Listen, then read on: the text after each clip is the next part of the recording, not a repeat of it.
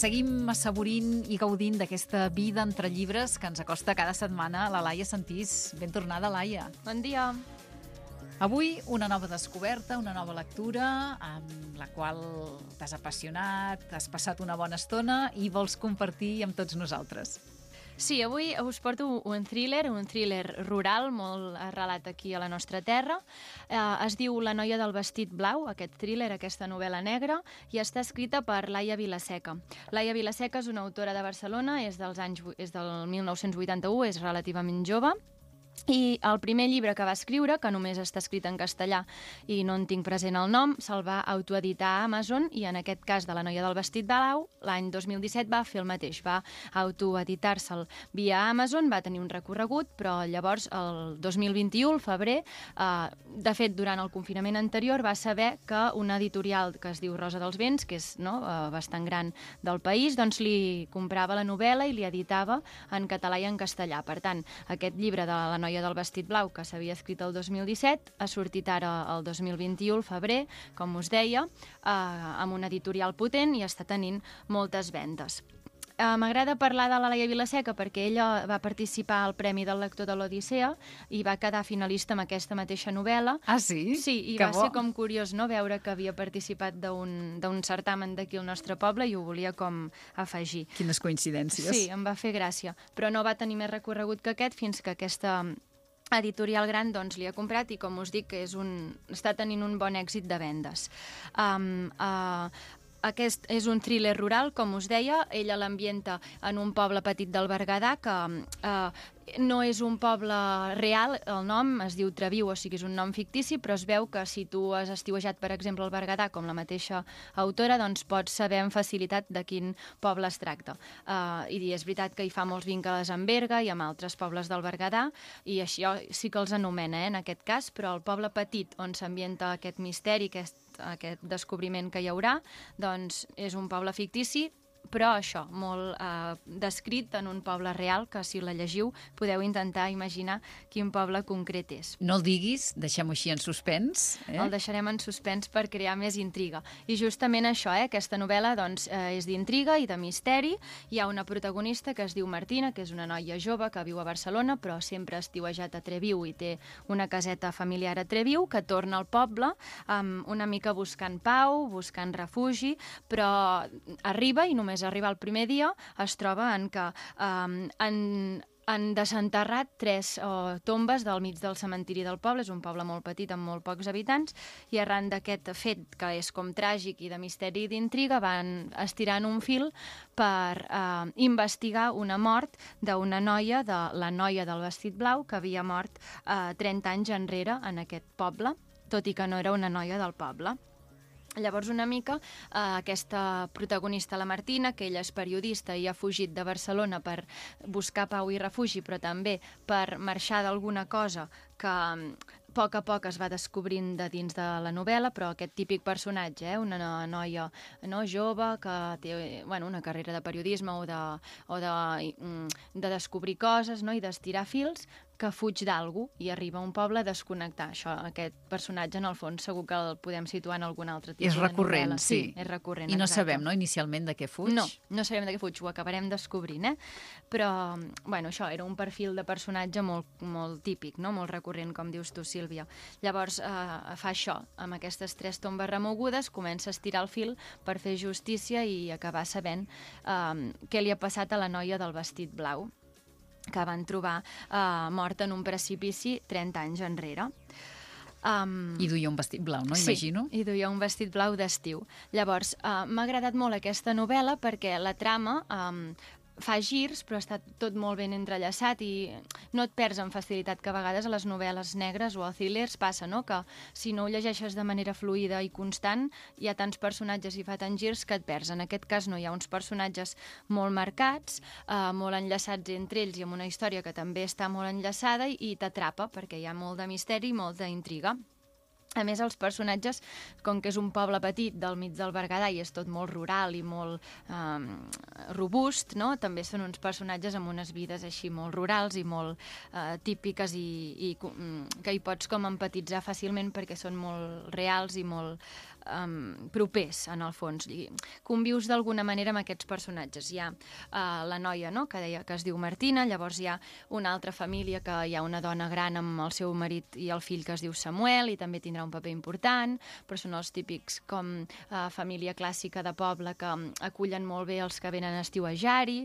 Després hi ha també un altre noi jove que és l'Andreu, que és un noi que apareix um, al poble per ajudar el rector i també aniràs estirant el fil i veuràs que també té algun punt eh, d'ombra i de llum, com molts dels personatges, i és, es va entrelligant tot, no ho puc anticipar més, s'acaba descobrint el misteri de la noia del vestit blau, però eh, quan llegeixes et fas un mapa mental molt fàcil i és molt amè d'anar llegint.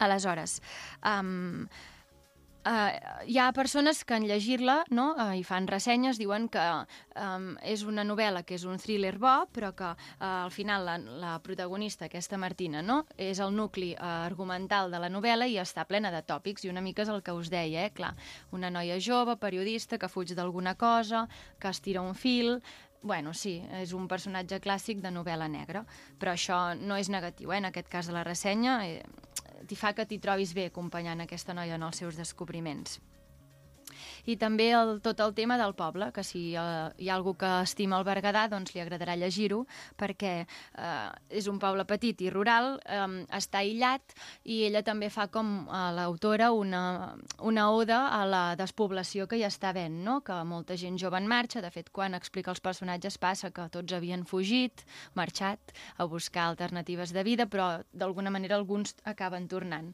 Per tant, també situa algun tema d'actualitat que no cal fer-hi una reivindicació, però sí que està bé que, que l'introdueix en aquesta novel·la. Només has llegit La noia del vestit blau? De la Laura Vilaseca? Sí. L'anterior no, no. l'has fullegejat? Uh, le vaig contactar amb l'autora perquè en ressenyar-la de seguida es va posar en contacte amb mi. És una autora molt propera. Que empàtica. I, sí, molt empàtica i que li agrada com molt el vincle amb els, amb els lectors i les lectores i li vaig preguntar pel primer llibre, però és el que us deia, només està a Amazon i en castellà. I no, entenc que aquest és el seu llibre més capdalt.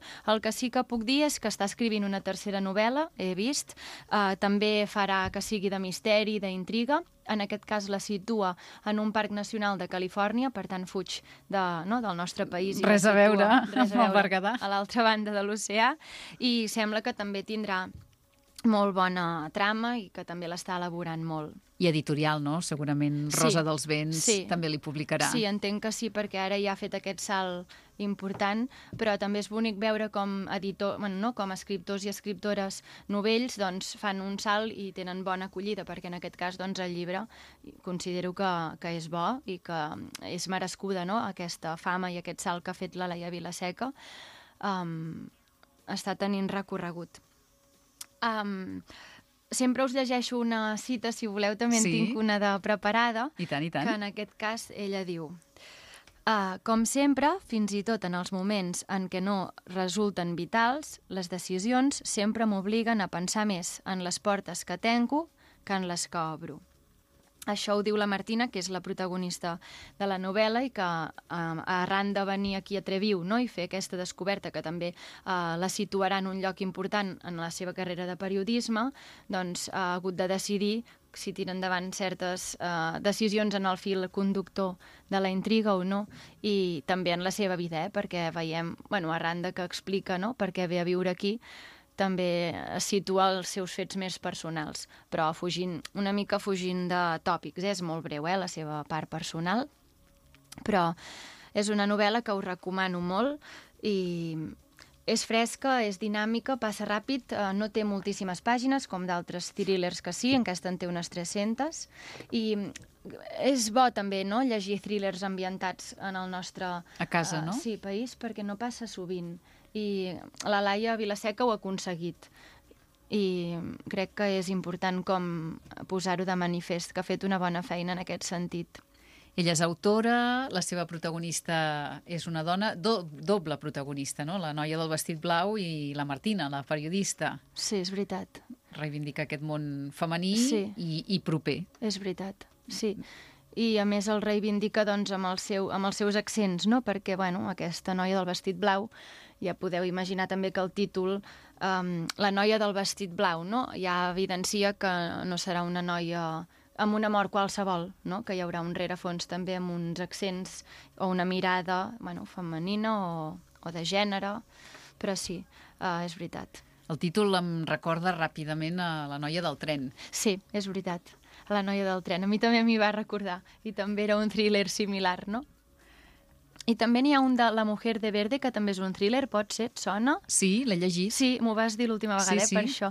Vull dir que tots són temàtics, títols... D'un autor nòrdic, impronunciable. Sí. sí. Arnal, i el cognom ja no m'atreveixo. Sí, Sílvia, me'n recordo. Sí, sí, sí. I, no, que tot gira entorn a aquestes morts. Sí, sí, i en aquest cas hi ha aquest vestit verd, no? aquesta dona amb unes característiques molt determinades i aquest vestit verd que acaben trobant i localitzant i explica... Similar, eh? El cas. Doncs en aquest cas també. Potser s'hi ha inspirat, eh, aquesta autora, no ho descartaria, però ho desconec, no puc fer una afirmació. Però són símils.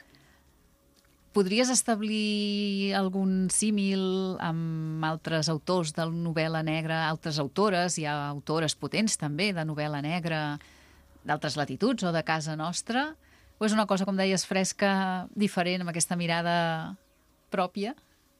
Sí, tens raó, Sílvia. No deixa de, de ser una novel·la negra o un thriller, no? perquè hi ha molta intriga i molt de misteri, però no, no és tan potent com d'altres novel·les que he llegit darrerament. Eh?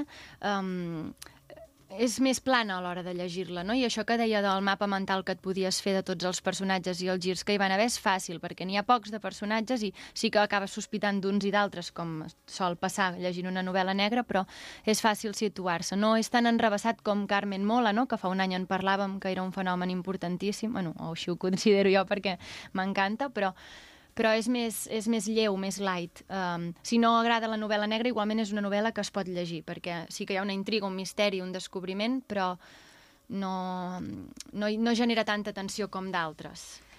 Carmen Mola has de tenir un estómac a prova de tot, eh? No tothom pot. I tant, un estómac i un fet, oi? Sí, sí, sí, déu-n'hi-do. Tot i que enganxa, t'atrapa sí. i no la deixes, eh? No la deixes. Fa un any que me les vaig empassar tots tres. Els I jo darrere teu, i tant. totes tres també. I no, I no he parat de recomanar-la, però és cert que és més dura, molt més dura i a més era un cas com l'Helena Ferrante mm. i segueix en l'anonimat, mm. no? Afortunadament no s'ha descobert. Ell ha seguit uh, reivindicant el seu anonimat i mira que ha estat traduïda a milers d'idiomes, no ara ja, perquè al principi sí que no, ara en català ja hi és, fa un any no hi era. I ha fet una embranzida brutal i sempre encara sense saber qui és Carmen Mola, no? El hashtag que hi havia de qui és Carmen Mola, encara no ho sabem, però jo ja espero que tregui algun altre llibre perquè realment enganxava. Tot i així hi ha gent que diu això, eh, Sílvia, que deies tu inicialment, que s'ha de tenir molt d'estómac i que un ha parat i no ha pogut llegir més però quina, quina escriptora tan bona en majúscules, eh? Sí, sí, i que segueixin l'anonimat, si és el que ella vol, per molts anys, i regalant-nos nous llibres. Té un punt interessant, no?, també, això? Molt, sí, sí. I m'agrada d'aquest thriller rural que avui ens proposes, d'aquesta noia del vestit blau, també la història que hi ha darrere, no? que la Laia Vilaseca inicialment s'autoedita i passen 4 o 5 anys i una editorial es fixa en aquesta novel·la i la situa, com deies tu, a primera línia, no? Rosa dels Vents, en aquest cas. Aquesta història també és molt xula. Sí, i a més que té com mèrit, perquè el 2007, eh, com deies, va autoeditar i és finalista del Premi Odissea el 2007 també. Aquesta connexió vilafranquina. Mm, en Premi Narrativa en català va quedar finalista i després ara se li edita i ho sap durant el confinament, que es veu que durant el confinament és quan li van dir que li editarien en català i en castellà, o sigui, fan aposta doble i realment eh, crec que és merescuda eh, aquesta aposta i que Rosa dels Vents ha fet un encert gran és una bona novel·lista i ja també espero la seva següent novel·la i, una escriptora jove, no? Bueno, entenc que és jove i, i del país, no? Que això també és interessant, catalana, mm, de Barcelona, jove, amb ganes de, de créixer no? en el món uh, literari. I tant, i tant. Moltes gràcies, Laia Santís, per aquesta proposta d'aquesta setmana i d'aquí una setmana més ressenyes. Cuida't. Fins aviat.